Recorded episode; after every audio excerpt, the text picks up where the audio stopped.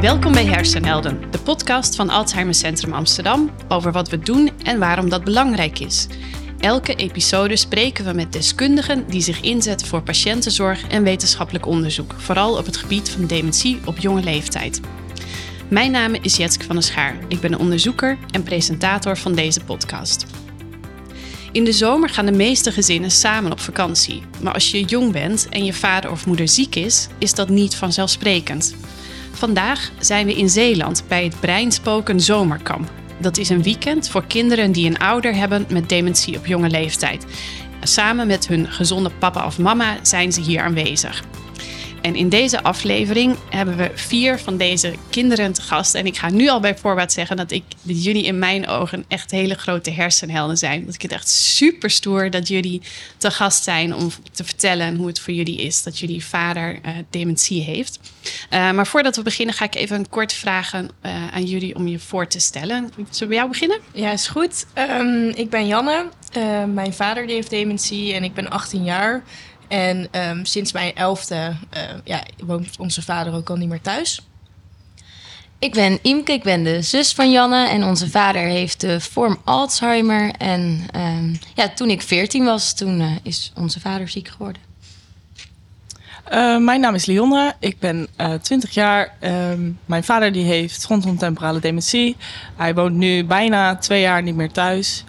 Um, ja, dat eigenlijk. Ik ben Matteo, ik ben 14 jaar en mijn vader heeft nu ongeveer twee jaar de diagnose dementie. En we zijn hier vandaag bij het Breinspoken Zomerkamp. Uh, kunnen jullie vertellen wat dat is, waar we hier zijn? En voor onze luisteraars, uh, we zitten dus buiten in een tent en er komt af en toe verkeer voorbij. dus mochten jullie denken, wat een rare geluiden. ja, dat zijn de brommers, denk ik in dit geval, die, die voorbij komen. Nou ja, we zijn dus nu in Zeeland, uh, wat je net al benoemde. Um, ja, en we zijn uh, met volgens mij echt 30 kinderen hier, geloof ik. Um, en ja, het zijn eigenlijk allemaal uh, verschillende leeftijden. Volgens mij is de jongste echt vijf en de oudste is 23. Dus het varieert echt heel erg in leeftijd. Maar um, ja, dat maakt eigenlijk voor mij in ieder geval niet zo heel veel uit. Ik kan heel goed met kinderen, dus ik vind het allemaal gewoon heel gezellig. Um, en ja, we zijn hier dus gewoon met onze gezonde ouder. Um, en ja, dan doen we gewoon activiteiten en gesprekken voeren. En eigenlijk, je hebt ook gewoon tijd om lekker te chillen voor jezelf.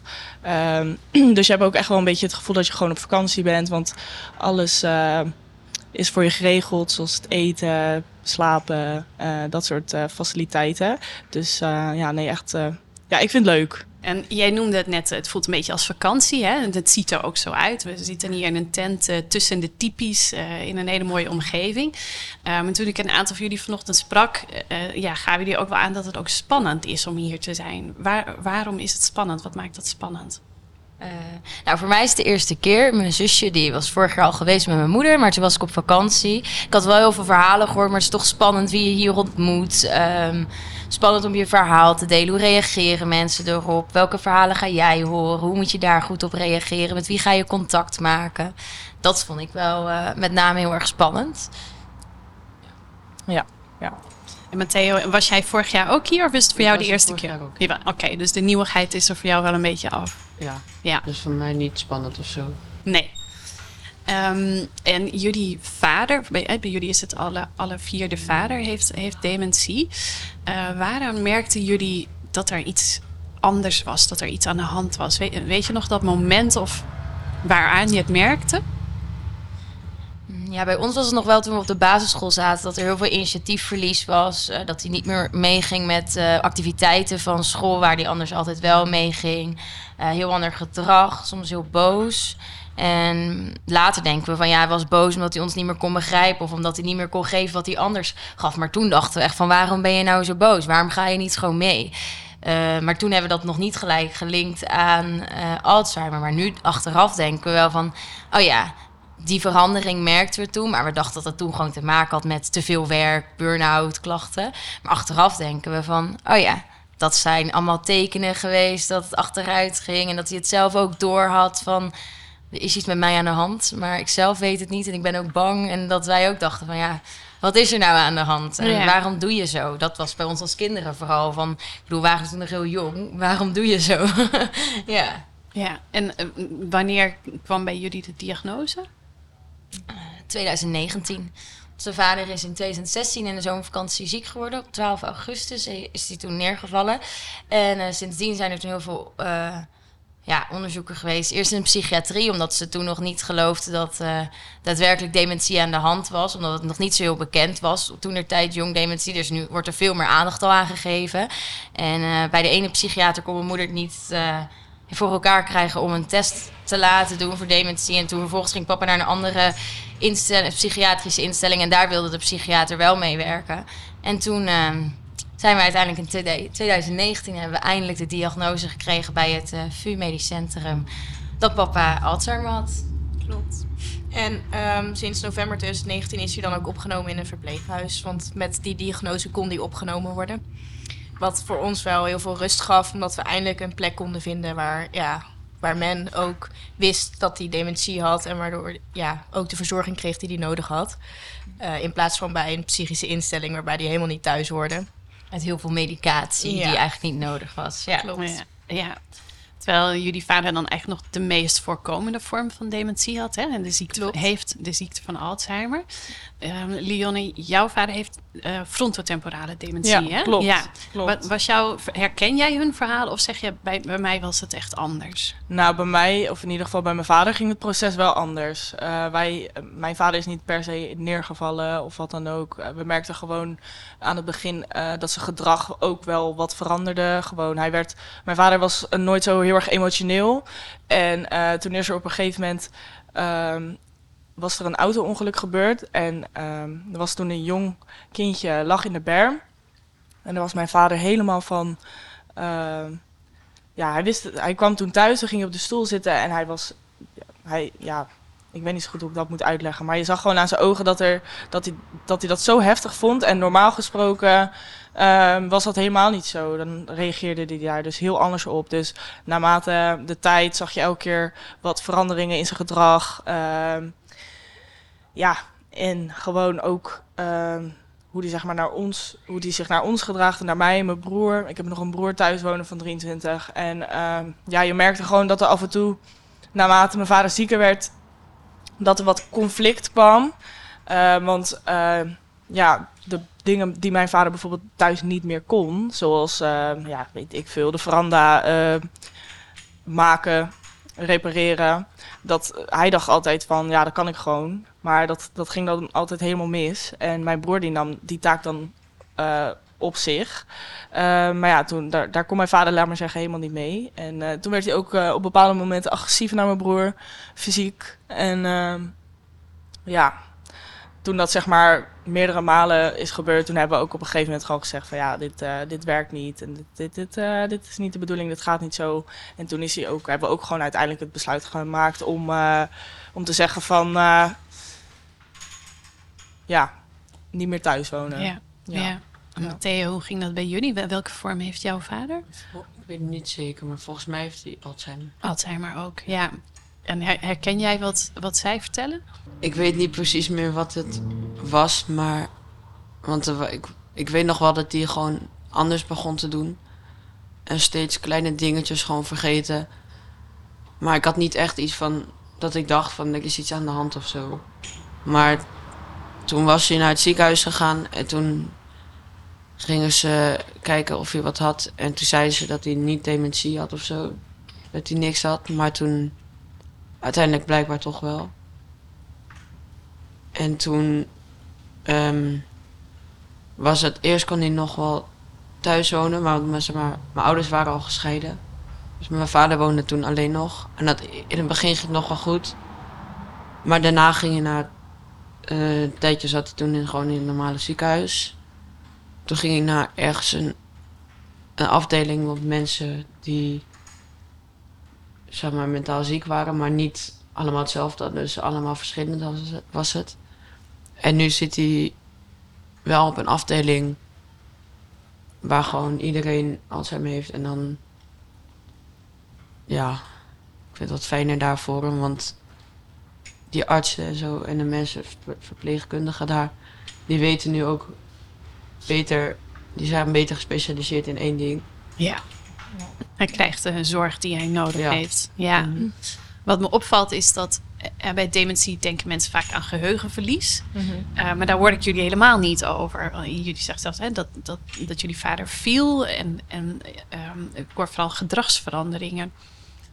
Ik denk dat dat bij onze vader ook heel erg was, omdat hij ehm, wel in vooral het begin heel erg zijn best deed om het niet te laten merken. Dus hij gaf ook heel veel sociaal wenselijke antwoorden. En hij heeft zoveel maniertjes voor zichzelf bedacht om het niet te laten merken aan ons niet, maar ook niet aan de familie of vrienden of aan het werk. Dat zijn baas heeft ook nooit tegen mijn moeder gezegd van. eh, wat weet je wel, van wat is er aan de. Ja, wat is er aan de hand, laat maar zeggen. Dus ik denk dat het bij, ja, dat hij het zelf zo erg door had bij ons, dat we hem vooral merkten in zijn gedrag. Maar dat, dat die vergeetachtige dingen, die kwamen pas veel later.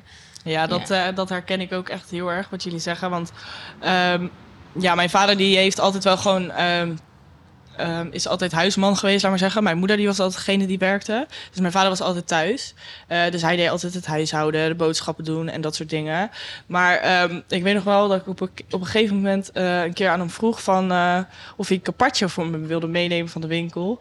Ehm, nou, en elke keer als ik dat dan vroeg, kwam hij thuis en toen zei hij, ja, dat hadden ze niet. Dat hadden ze niet.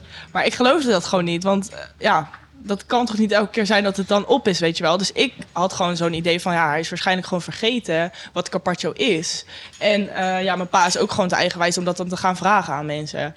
Ehm, en naarmate de tijd zagen we ook in zijn telefoon zagen we dat hij gewoon boodschappen, eh, eh, foto's had gemaakt van boodschappen. Dus dat hij gewoon voor zichzelf een bepaald lijstje had gemaakt van oké, ik moet niet vergeten wat dit is en wat dat is. En ja, ik merkte ook gewoon heel erg dat hij, eh, als hij dan boodschappen had gedaan bijvoorbeeld, dat hij thuis kwam en dan zette hij die tas met de boodschappen midden op de voortafel en dan ging hij alles uitpakken om te laten zien dat hij alles had gekocht wat we nodig hadden, om maar te bewijzen van ik ben, ik ben het niet vergeten, weet je wel. Dus dat soort dingen, ja, ja dat zie je ook wel hoor. Ja. Dus ja, ja. Zijn jullie boos op, op hem geweest in het begin, voordat je wist dat hij ziek was? ja, ja, ja. Ja, ik wel. Ik had vooral heel veel. ehm, nou ja, ik zat nog op de basisschool in het begin. Eigenlijk voordat hij diagnose kreeg, of tenminste voordat hij neerviel, had ik eh, heel erg de schaamte dat er als er vriendinnetjes kwamen spelen of zo, mijn vader die deed niks meer. Hij zat alleen maar op zijn stoel. Ehm, en toonde geen initiatief en zo. En daar schaamde ik me wel voor. En daar ben ik later ook al, ja, nou ja, toen kwam ook wel een beetje de boosheid van waarom doe je niks? Waarom bied je ons geen drinken aan? Of die kleine dingetjes, eh, wat normale vaders wel zouden doen en hij niet. Dus ik was daar wel boos op in ja, die periode, nu niet meer. Ja, mijn vader die deed eh, ook altijd, eh, of in ieder geval deed hij genoeg dingen waarvan ik dacht van doe nou niet, weet je wel, in huis. Dan dacht hij weer iets met stroom te kunnen maken of zo, maar dat kon hij gewoon niet meer. En dan kon ik mezelf zo boos maken, omdat ik, ik heb ook gewoon nog een broertje van tien rondlopen. En als er dan iets fout gaat, dan zijn we allemaal de sjaak. Dus op dat soort momenten was, kon ik echt heel boos worden. En bijvoorbeeld dan... ehm, ja, dan had mijn, eh, had mijn vader een bepaald moment dat van onbegrip of zo. En dan begreep hij, ja, dan begreep hij iets niet. En dan eh, werd hij boos. En dan pakte hij de autosleutels. Terwijl hij eigenlijk helemaal niet meer kon rijden. Eh, ja, ging hij de autosleutels pakken. Nou, toen ben ik gewoon heel boos achter me aangerend. Van, ben jij nou helemaal gek geworden? Dat, dat- hij kon gewoon niet meer rijden. Ook al heb je vaak dat ze nog niet echt definitief af worden gekeurd, laat maar zeggen. Of hoe je dat ook moet benoemen. Eh, maar ja, op dat soort momenten was ik ook gewoon altijd onwijs boven. Ja, denk gewoon even na. Maar ja, het is natuurlijk zijn ziekte. Maar dat, ja, die link kan je af en toe gewoon niet leggen. Je, ja, blijf je vader, dus ja, boos worden, dat, eh, ja, dat gebeurt toch. Ja, dat hoort ook een beetje bij Ja. als je eh, die leeftijd hebt. Maar als ik zo Ja. naar jullie luister, klinkt het ook alsof jullie wel steeds meer verantwoordelijkheid kregen. En Ja, de rollen 100%. tussen ja, je vader, eh, je vader en dochter, vader en zoon in jouw geval eh, een beetje zijn omgedraaid. Ja. Ja, herken je dat? Jawel. Ja. Heb je een voorbeeld van dat je zegt van nou, dat, dat doet een vader voor een zoon en dat, dat kan mijn vader nu niet meer? Nee, niet echt. Maar ik heb wel gewoon... Als mijn broertje zich vervelend vond of zo... Dan wil ik wel altijd helpen en zo. En ook als mijn moeder zich vervelend vond. Of als ik dan zeg maar ruzie heb of zo. dan alsnog wel van denken aan mijn broertje van... oh, er is iets, ik moet wel voor hem zorgen. Ook al, want, ook al ben ik zijn vader niet. Ik wil wel altijd gewoon voor hem zorgen. Ja. Want ja, dat je dat voor een deel van hem overneemt. ja. Ja. Ja. En je merkt ook een hele rolwisseling. Want eerst zorgt je vader altijd voor jou. En nu ben je eigenlijk meer voor hem aan het zorgen. En onze vaders wonen dan wel in een verpleeghuis. Maar alsnog ben je wel heel erg eh, aan het zorgen. En ja, vooral ook onze moeder. Die is ook met heel erg met de regeldingen bezig. Maar je bent ook aan het zorgen als je daar op bezoek komt. En als bijvoorbeeld je vader dan incontinent is. Dan moet je ook voor hem zorgen. Dan kan je niet, je, ja, niet in een natte broek laten, laat maar zeggen. Dus je bent, blijft wel... Ja, die rollen zijn heel erg omgedraaid. En dat is ook wel een dingetje wat je gaandeweg... eh ja, gaandeweg accepteer je dat steeds meer. Maar het is ook wel gek natuurlijk. ja. En je hebt ook niet de tijd om daar aan te wennen. Of dat je daarin groeit. Je, Nee, nee. Je, je het- moet mee. Je moet het- gewoon, ja. Ja. ja. Ja, vind ik ook wel heftig hoor dat je dat zegt. Dat je hem helpt met persoonlijke verzorging. Ja. ja, in het begin was dat wel heel lastig. In het begin liet papa dat ook echt niet toe. Wat ook heel logisch is. Want ik ben natuurlijk zijn dochter en dat is ook super raar. Maar ik werk gelukkig in de zorg, dat scheelt al. En soms lukt het me ook niet hoor. Dan, dan accepteer ik dat ook. En dan vraag ik aan de verzorging of ze hem willen helpen. Maar soms lukt het me wel. En dan ehm, ben ik toch wel weer blij. Want dan ga ik niet weg terwijl eh, papa nog eh, ja, in de viezigheid zit, laat maar zeggen. Dus, eh, maar ja, dat is ook voor ons beiden wennen. En ja, net de ene dag is het beter dan de andere dag. En de ene dag accepteert hij meer. En kan ik er beter mee omgaan. En de andere dag lukt dat weer niet. Hebben jullie daar ook een taakverdeling in? Dat je aan de kinderen thuis merkt, aan de een pakt wat meer deze taken op en de ander doet wat meer dat? Of, oh, Ja, ik moet zeggen, ik werk dan niet in de zorg. En nou ja, eh, ik kan, als, als mijn vader incontinentie heeft, ik kan hem daar echt niet bij helpen. Hij accepteert het echt niet. Waarschijnlijk ook omdat ik zijn jongste dochter heb en hij heeft een veel jonger beeld van mij in zijn hoofd. Maar eh, ja, ik pak dan andere taken op. Ehm, nou ja, op de afdeling doe ik dan meer de technische dingen, om het zo maar even te zeggen. Ehm, Zoals? nou ja, eh, in het begin was er bijvoorbeeld dat ze graag een eh, Chromecast wilden aanschaffen. ehm, de- eh, om ja, televisie te krijgen op de afdeling. En dan, dan hou ik me daarmee bezig of dat ja, te realiseren is op die afdeling. Ehm, maar ja, die de verzorging voor mijn vader, dat laat ik liever aan mijn moeder en mijn zus over. Ja. Wat missen jullie thuis het meest? Van het hebben van een vader of een vader die thuis is? Nou, ik mis wel heel erg. Mijn vader die kon heel goed koken. En nou ja, hij zette elke weekend wel iets speciaals op tafel. Ehm, en die avonden dat hij heel lang bezig was, of eh middagavonden dat hij heel lang in de keuken bezig was om een gerecht te bereiden.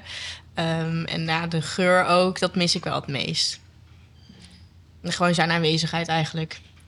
En ook de dingen die jij altijd deed qua belastingen en van die, van die regeldingen. Dat, dat, daarin mis ik hem ook wel heel erg dat ik dat niet van hem kan leren. Maar ook op vakanties, want hij reed altijd bijvoorbeeld. Allemaal wel van die dingen. Ja, hoe zeg je dat? Je vakanties worden niet meer voor je georganiseerd. Want hij bereidde hele vakanties voor. En dat zijn allemaal van die dingen.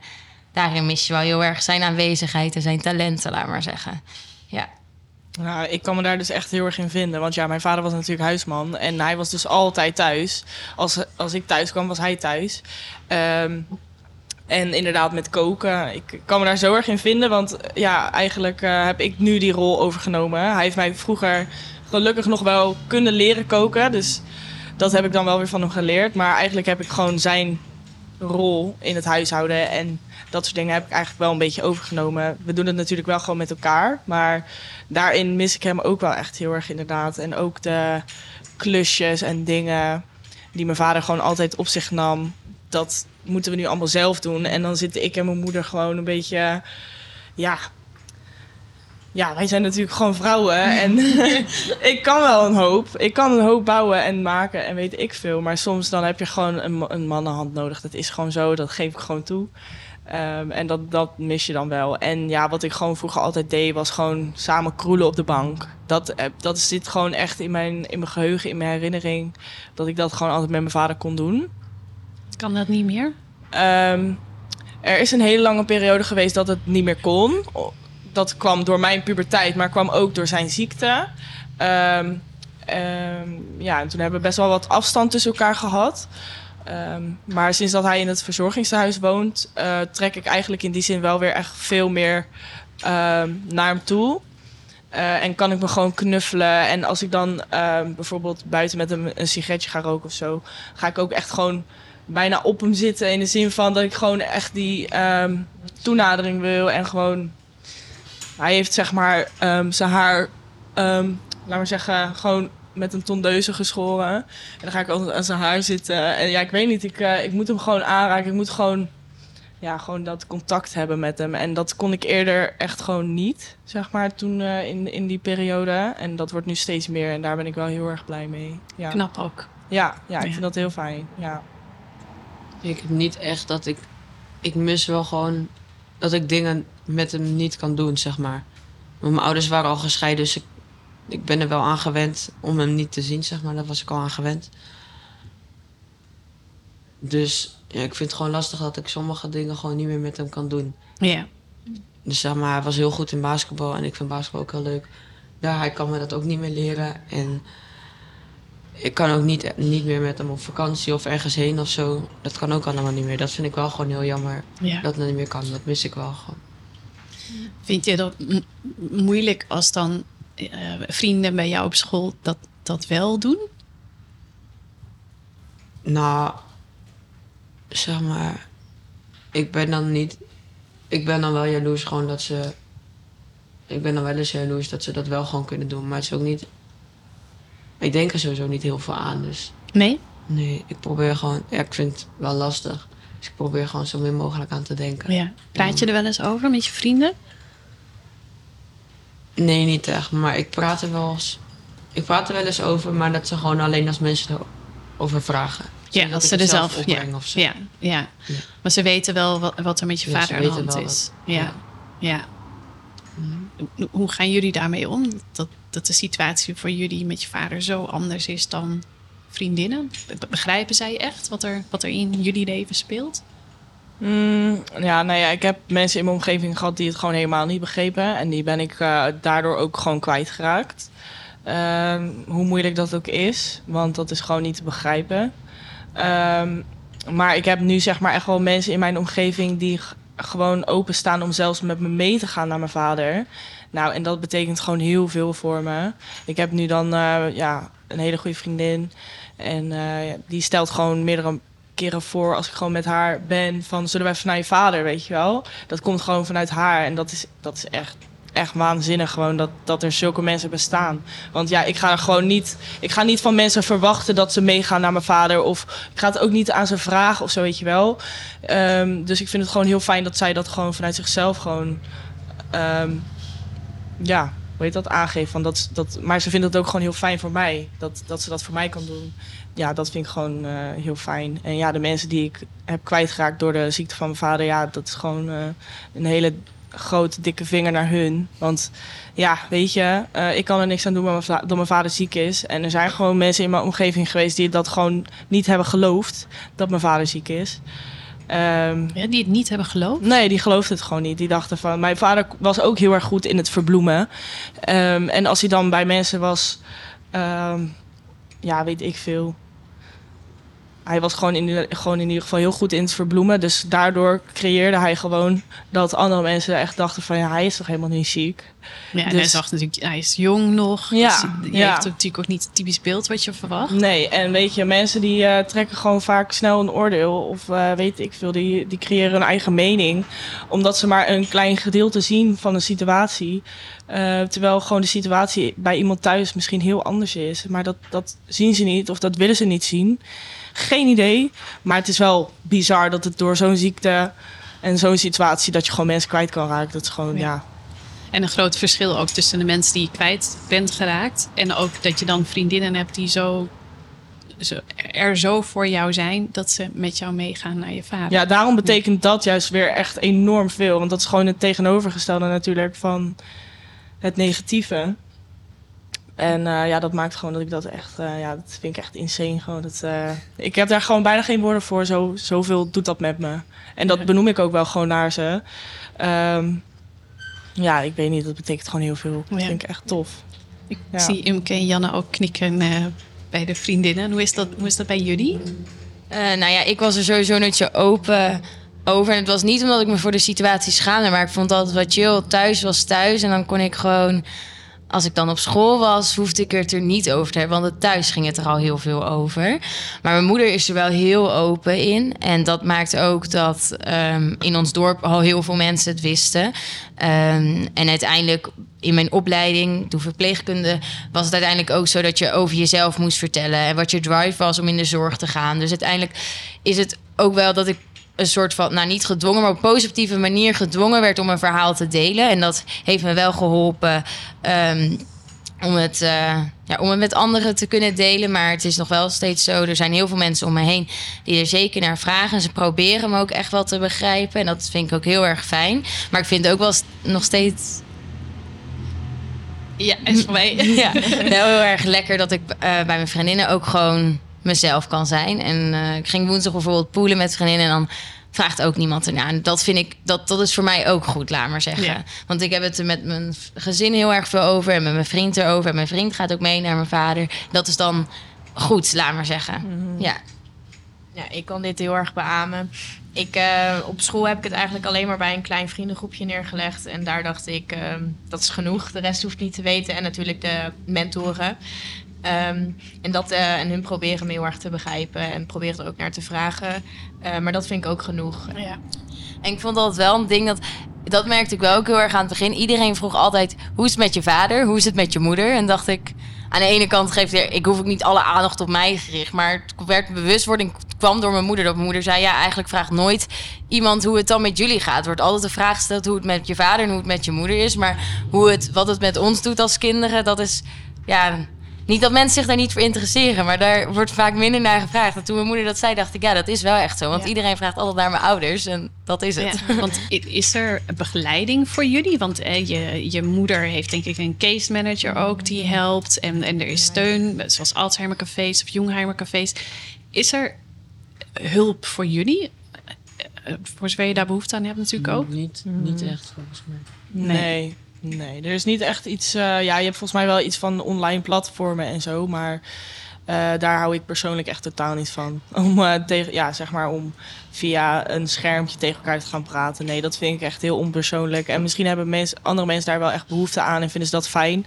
Maar eh, ik zelf vind dat niet echt een hele fijne manier om een gesprek te voeren over iets heel persoonlijks. Nee. Dat is ook wel de reden waarom onze moeders, de moeder van Lionne en ja, de moeder van mij, ja, van mij en van Janne, hebben het wel het Vergeten Café opgericht. Ja. Juist om wat meer lotgenoten contact eh, te creëren. En dat zit dan wel in Ede, ja, waar Ja. wij wonen. Maar dat zorgt er wel voor dat je al wat, met wat meer mensen in contact komt. Maar ja, dat is alleen nog maar in Ede. Maar volgens mij ze- hebben ze echt wel plannen om het uit te breiden. Maar dat weet ik verder niet zoveel over. Dus eh, misschien dat het voor jou ook ooit nog een keertje Ja. komt, helpend is. Ja, want dat vroeg me af, dat is een mooi bruggetje wat je daar slaat. Of jullie andere kinderen kenden, of ja, kinderen, jullie zijn natuurlijk ook al een klein beetje ouder, maar eh, andere kinderen kenden in dezelfde situatie met een, een vader, in ieder geval, die dementie op jonge leeftijd had. Of hebben jullie die hier leren kennen? Beide, denk ik. Maar bijvoorbeeld Leonne kennen wij hiervoor ook al. Omdat nou ja, onze vader die woont in een verpleeghuis. En daarop moet je dan wel weer eh, ja, lotgenoten, mensen die hetzelfde hebben. Ja. Eh, maar verder we hebben wij hier, tenminste ik was hier vorig jaar ook al... heb ik hier de meeste mensen leren kennen die in dezelfde situatie zitten. Ja. Ja. Verder heb ik niet echt mensen in mijn omgeving dat ik snel heb van... eh hey, heeft jouw vader ook dementie? nee, nee, nee. maar je dat, vraagt eh, er ook niet naar. Nee. nee. Nee. Dus eigenlijk is, het, eh, is dat best wel lastig. Maar ik heb er zelf ook niet echt heel erg heel veel behoefte aan om er heel vaak over te praten. Maar zoals bij het Vergeten Café, dat is dan één keer in de twee maanden, denk ik, zoiets. Ja. En ehm, ja, dan ga je gewoon activiteiten doen en dan is er ruimte om erover te praten. Maar eigenlijk is het ook gewoon om elkaar een beetje te leren kennen en dat je gewoon weet van oké, ik heb mensen in dezelfde situatie en als ik vragen heb, kan ik ze stellen. Ehm, maar zelf heb ik ook niet per se behoefte aan om dat vaker te moeten doen of zo. Want ik heb ook gewoon mijn leven naast mijn vader. En eh, ja, ik bedoel, ik heb ook gewoon mijn werk en mijn vrienden en mijn dingen. Eh, dus ja, één keer in de zoveel tijd vind ik het wel fijn. Maar het hoeft ook weer niet heel mijn leven te Nee. overnemen, laat maar zeggen. Nee, nee, want dat vroeg me af. Jullie zijn natuurlijk eh, heel jong, hebben je eigen leven en hebben dat ook heel erg nodig om je eigen ontwikkeling door te maken. Eh, dus ik kan me voorstellen dat het aan de ene kant ook heel moeilijk is als je vader dan opgenomen wordt en niet meer thuis werkt. En aan de andere kant ook wel die afstand geeft waar, en waar, jullie het net ook over hadden, Imke Janne, van dat je ook je eigen leven op een plek kan hebben waar je eigen leven is. En een Mhm. plek kan hebben waar je vader is en de ziekte en het verdriet. Ja, Ehm, dat er voor jullie nu misschien ook wat meer ruimte weer begint te komen? Of, of zie ik dat verkeerd? ja. Ja, ik kan me daar ook wel bij vinden. Ja. Ja, ik ook wel. Maar ik denk dat Jan en ik ook beide wel heel erg hebben... dat we nog steeds wel de verantwoordelijkheid voelen voor onze moeder. We vinden het bijvoorbeeld echt niet fijn als onze moeder... ja, op zaterdagavond alleen zit, omdat wij beide iets gaan doen. En dan voelen we ons toch wel schuldig. Dus ik probeer het soms ook wel een beetje af te stemmen. Precies. Ja. Ja. En dus niet dat mijn moeder dan zegt van... eh, eh, je moet erbij mee zijn. Want ze zegt juist van ga je ding doen. Pak je eigen leven op. Ga gewoon wat doen. Maar het is dan meer je eigen... Ja, je hebt nog maar echt één ouder die wel ook helemaal... Hoe zeg je dat? Gezond is. Ja, helemaal gezond is. En wil je ook dat het goed gaat met die ouder. Ja. Ja, en je vindt het daarom ook des te moeilijker om haar los te laten. Omdat je al eentje moest loslaten omdat hij Ja. ziek werd. En die gezonde wil je dan zo, ja, zo dicht mogelijk bij je houden, zeg maar. Ja, die wil je gewoon bewaken, beschermen. Ja. Ja. Dat is ook wel hard, hè? Meestal zijn het de ouders die praten over het loslaten van de kinderen als ze groter worden. En jullie hebben het als kind over het loslaten van je, van je vader en bij je houden van je moeder. Ja. Matteo, hoe vaak zie je je vader nog? Nou, niet vaak. Ik denk Nee? één keer in de twee maanden of zo. Ja. Maar ik kies er ook wel zelf voor om niet te gaan. Want ik vind het wel gewoon echt heel lastig om dan te gaan. En dan, als ik hem dan weer zie, dan wordt mijn vader gelijk heel erg verdrietig. En dan, zeg maar, dan gaat het daarna wel. Maar dan, dan weet ik ook eigenlijk niet echt wat ik moet doen. Want praten kan ook niet echt meer. Dus ik kan eigenlijk ook niet echt meer iets doen. Ja. En dan als ik wegga, dan is het ook heel lastig. Want eigenlijk wil, hij dan, wil ik dan gewoon bij hem blijven. En mijn vader wil ook dat ik bij hem blijf. En dan, ik vind het ook heel lastig om dan verdrietig te zien. Ja. En dan, ja, dat is dan lastig. Ja, ik kan me voorstellen dat dat ook wel een worsteling is. Dat je aan de ene kant wel bij hem wil zijn en aan de andere kant ook, Ja. ook niet. Mhm. Ja. ja. Knap dat je daar wel je eigen weg in vindt. In deze podcast eh, stellen we onze, onze gasten ook altijd twee vragen. Ehm, en ehm, het zijn- is misschien een beetje een gekke vraag voor jullie, maar is er ook iets wat je van de ziekte hebt geleerd in, in positieve zin? Oh, ik zie jullie gelukkig wel knikken. Wie wil beginnen? Eh, nou, ik heb wel geleerd ehm, om heel veel geduld te hebben. Dat is ten eerste wel.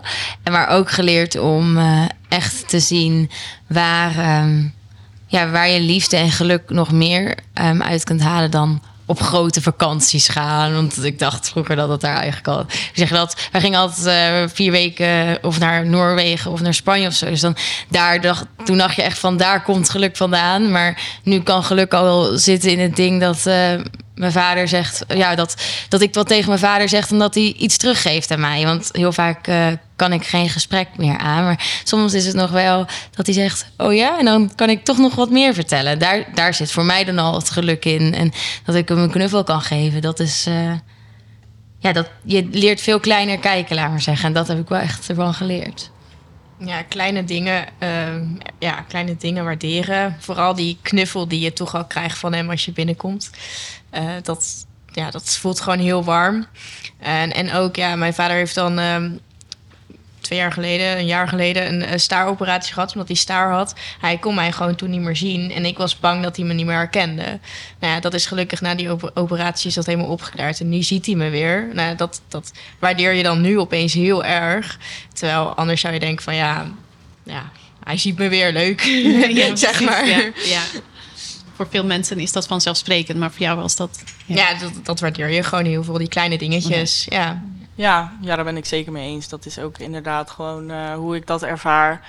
Ehm, en ja, je leert natuurlijk wel gewoon aan wie je wel en niet wat hebt in je omgeving. Want ja, je komt gewoon echt in de shit eh, voor je gevoel. Ehm, ja, en wat ik net ook al gewoon een beetje zei. Je leert gewoon echt mensen kennen die dichtbij je staan. Of ze ja, in wat voor een situatie dan ook er voor je zijn. En ja, dat is, eh, dat is helaas niet altijd zo. Maar eh, ja, dat is dus ook wel wat ik echt wel geleerd heb. Van, eh, blijf gewoon bij jezelf. En ja, ja, dat eigenlijk een beetje. Ja. Ja, ik heb gewoon gewoon dat ik dan... Ik zie nu echt eigenlijk gewoon hoeveel die van me houdt en hoe erg die zijn best voor me doet. Want elke keer als ik dan naar hem toe ga, dan... Zeg maar, dan doet hij echt heel erg zijn best. En dan hoor ik ook al als mijn oma een keertje gaat, dat het dan... Dat het dan vaak minder is. En dan... Dat hij gewoon heel erg mijn best, zijn best voor mij en mijn broertje doet. En dan dat hij gewoon wil dat hij... Zeg maar... Dat het ook makkelijk is voor ons. En dat we niet steeds herinnerd worden als we daar zijn dat hij echt helemaal niks meer kan. Zeg maar. Dus ja. Wauw. Zo, zo groot is zijn liefde voor jou en voor jullie. Het is wel heel bijzonder. Mark en ik zijn hier al de hele ochtend eh, om ook met jullie eh, podcast te maken over breinspoken en dementie op jonge leeftijd. En ehm, ik zei net tegen Mark, soms kijk ik sommige van jullie aan en dan zie ik de kwetsbaarheid en het verdriet in de ogen. En tegelijkertijd zitten hier ook vier nou, ik weet niet of ik jullie nog kinderen mag noemen, maar eh, vier jonge mensen die zo ontzettend veerkrachtig zijn en zo sterk en zo wijs en al in zekere zin zo volwassen. Hebben jullie zelf ook het idee dat je een vlieg wegwaggelen? Het- Hebben jullie zelf ook het idee dat je er op een bepaalde manier ook door groeit of sterker door geworden bent? Ja, zeker. Je wordt natuurlijk door zo'n situatie word je, eh, ja, word je gewoon heel snel volwassen. En je krijgt gewoon, doordat, eh, doordat, er iemand wegvalt, krijg je ook andere rollen in je familie, in je gezin, in je thuissituatie. Ehm, dus ja, ik krijg nu al bepaalde taken op me die ik eigenlijk helemaal niet zou willen op deze leeftijd. Maar ja, het moet, want er is een ouder weggevallen. Dus ja, je wordt zeg maar wel heel erg zelfstandig gemaakt en... eh, ik zou zo ehm, op mezelf kunnen wonen en nu alles gewoon voor mezelf kunnen regelen. Want dat is gewoon, ja, dat moet ik nu ook al doen. Dus ja, weet je. En aan de ene kant vind ik dat heel fijn, want ik ben gewoon eh, independent. en aan de andere kant denk, denk ik soms wel van, ja, ik weet niet of, eh, of dat nu wel normaal is voor mijn leeftijd. Ja, ik ben 20, dus je zit net in zo'n fase van wel niet. Maar ehm, ja, je groeit gewoon heel snel op. En eh, af en toe heb je wel gewoon zoiets van... ik zou net zoals andere kinderen gewoon ook even willen leven en feesten en weet ik veel wat. Eh, maar ja, dat kan gewoon niet. En eh, ja, je maakt het gewoon zo leuk mogelijk voor jezelf en met je vrienden en familie. Ehm, maar ja, door de ziekte van mijn vader eh, ben ik wel echt veel, veel sneller ouder geworden. Ja. Of in ieder geval, ja, ja dat. En Dat maakt het soms ook moeilijk met vrienden, omdat nou ja, hun leven gewoon hun leven en hebben Ja. thuis helemaal niks. En nou ja, als jij dan met ze meegaat, dan heb je soms wel zoiets van, oh ja, eh, soms ziet het er heel kinderachtig uit of zo, omdat Ja. jij ja, al verder, veel verder bent in je ontwikkeling en je veel volwassener voelt dan. Ja. Maar je probeert wel gewoon lekker mee te doen, Ja. en nog lekker jong te zijn, maar dat is, maakt het soms wel heel lastig. Ja, ik kan me voorstellen. De, of wilde jij nog? Nee. De andere eh, vraag die, die ik elke podcast eh, aan onze gasten stel is... eh, wat het belangrijkste is wat je mee wil geven aan onze luisteraars. We maken nu speciaal met jullie een uitzending over dit onderwerp. Ehm, waar loop je in je omgeving tegenaan? Dat je denkt, nou, ik zou het wel heel fijn vinden als mensen dit zouden weten. Of dat ze dit in hun gedachten houden.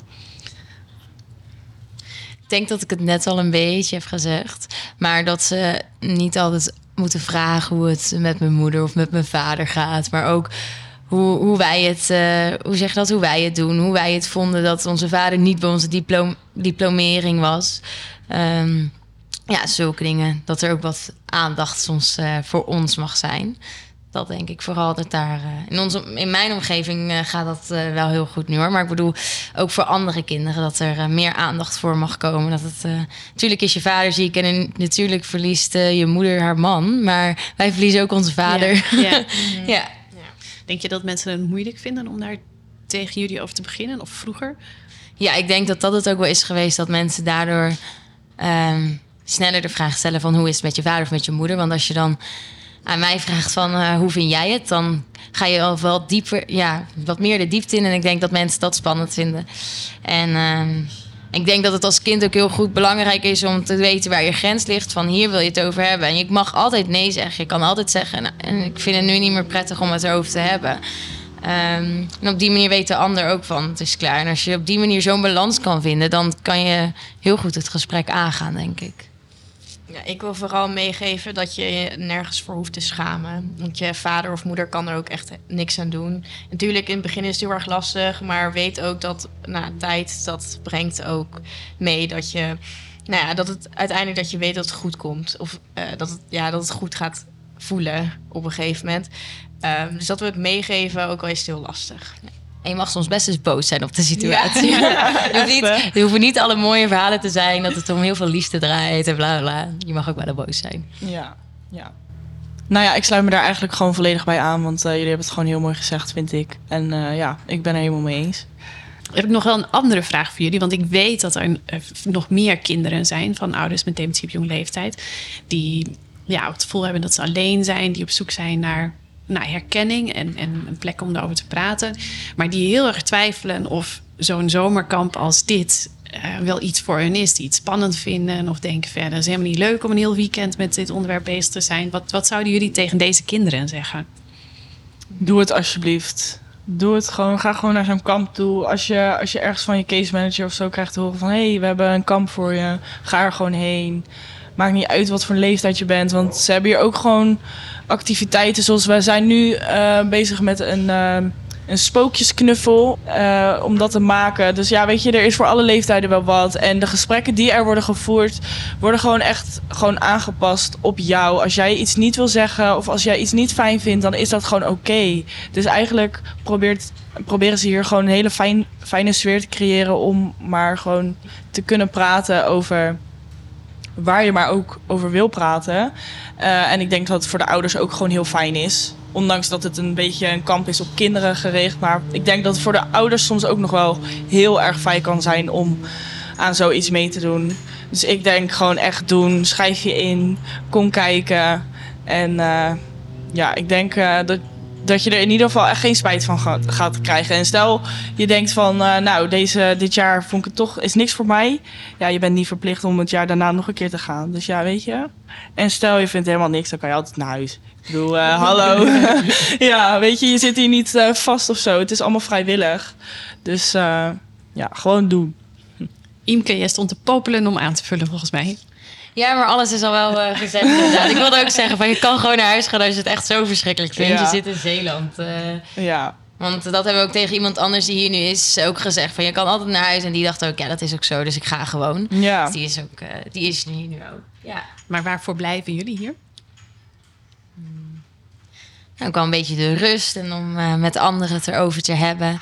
En ook te zien uh, wat er allemaal op je pad komt. Ja. Dus niet te veel verwachtingen, maar gewoon aanzien. Ja, ja. over je heen komen. Ja. ja. Is dat ook zo voor jou, Janne?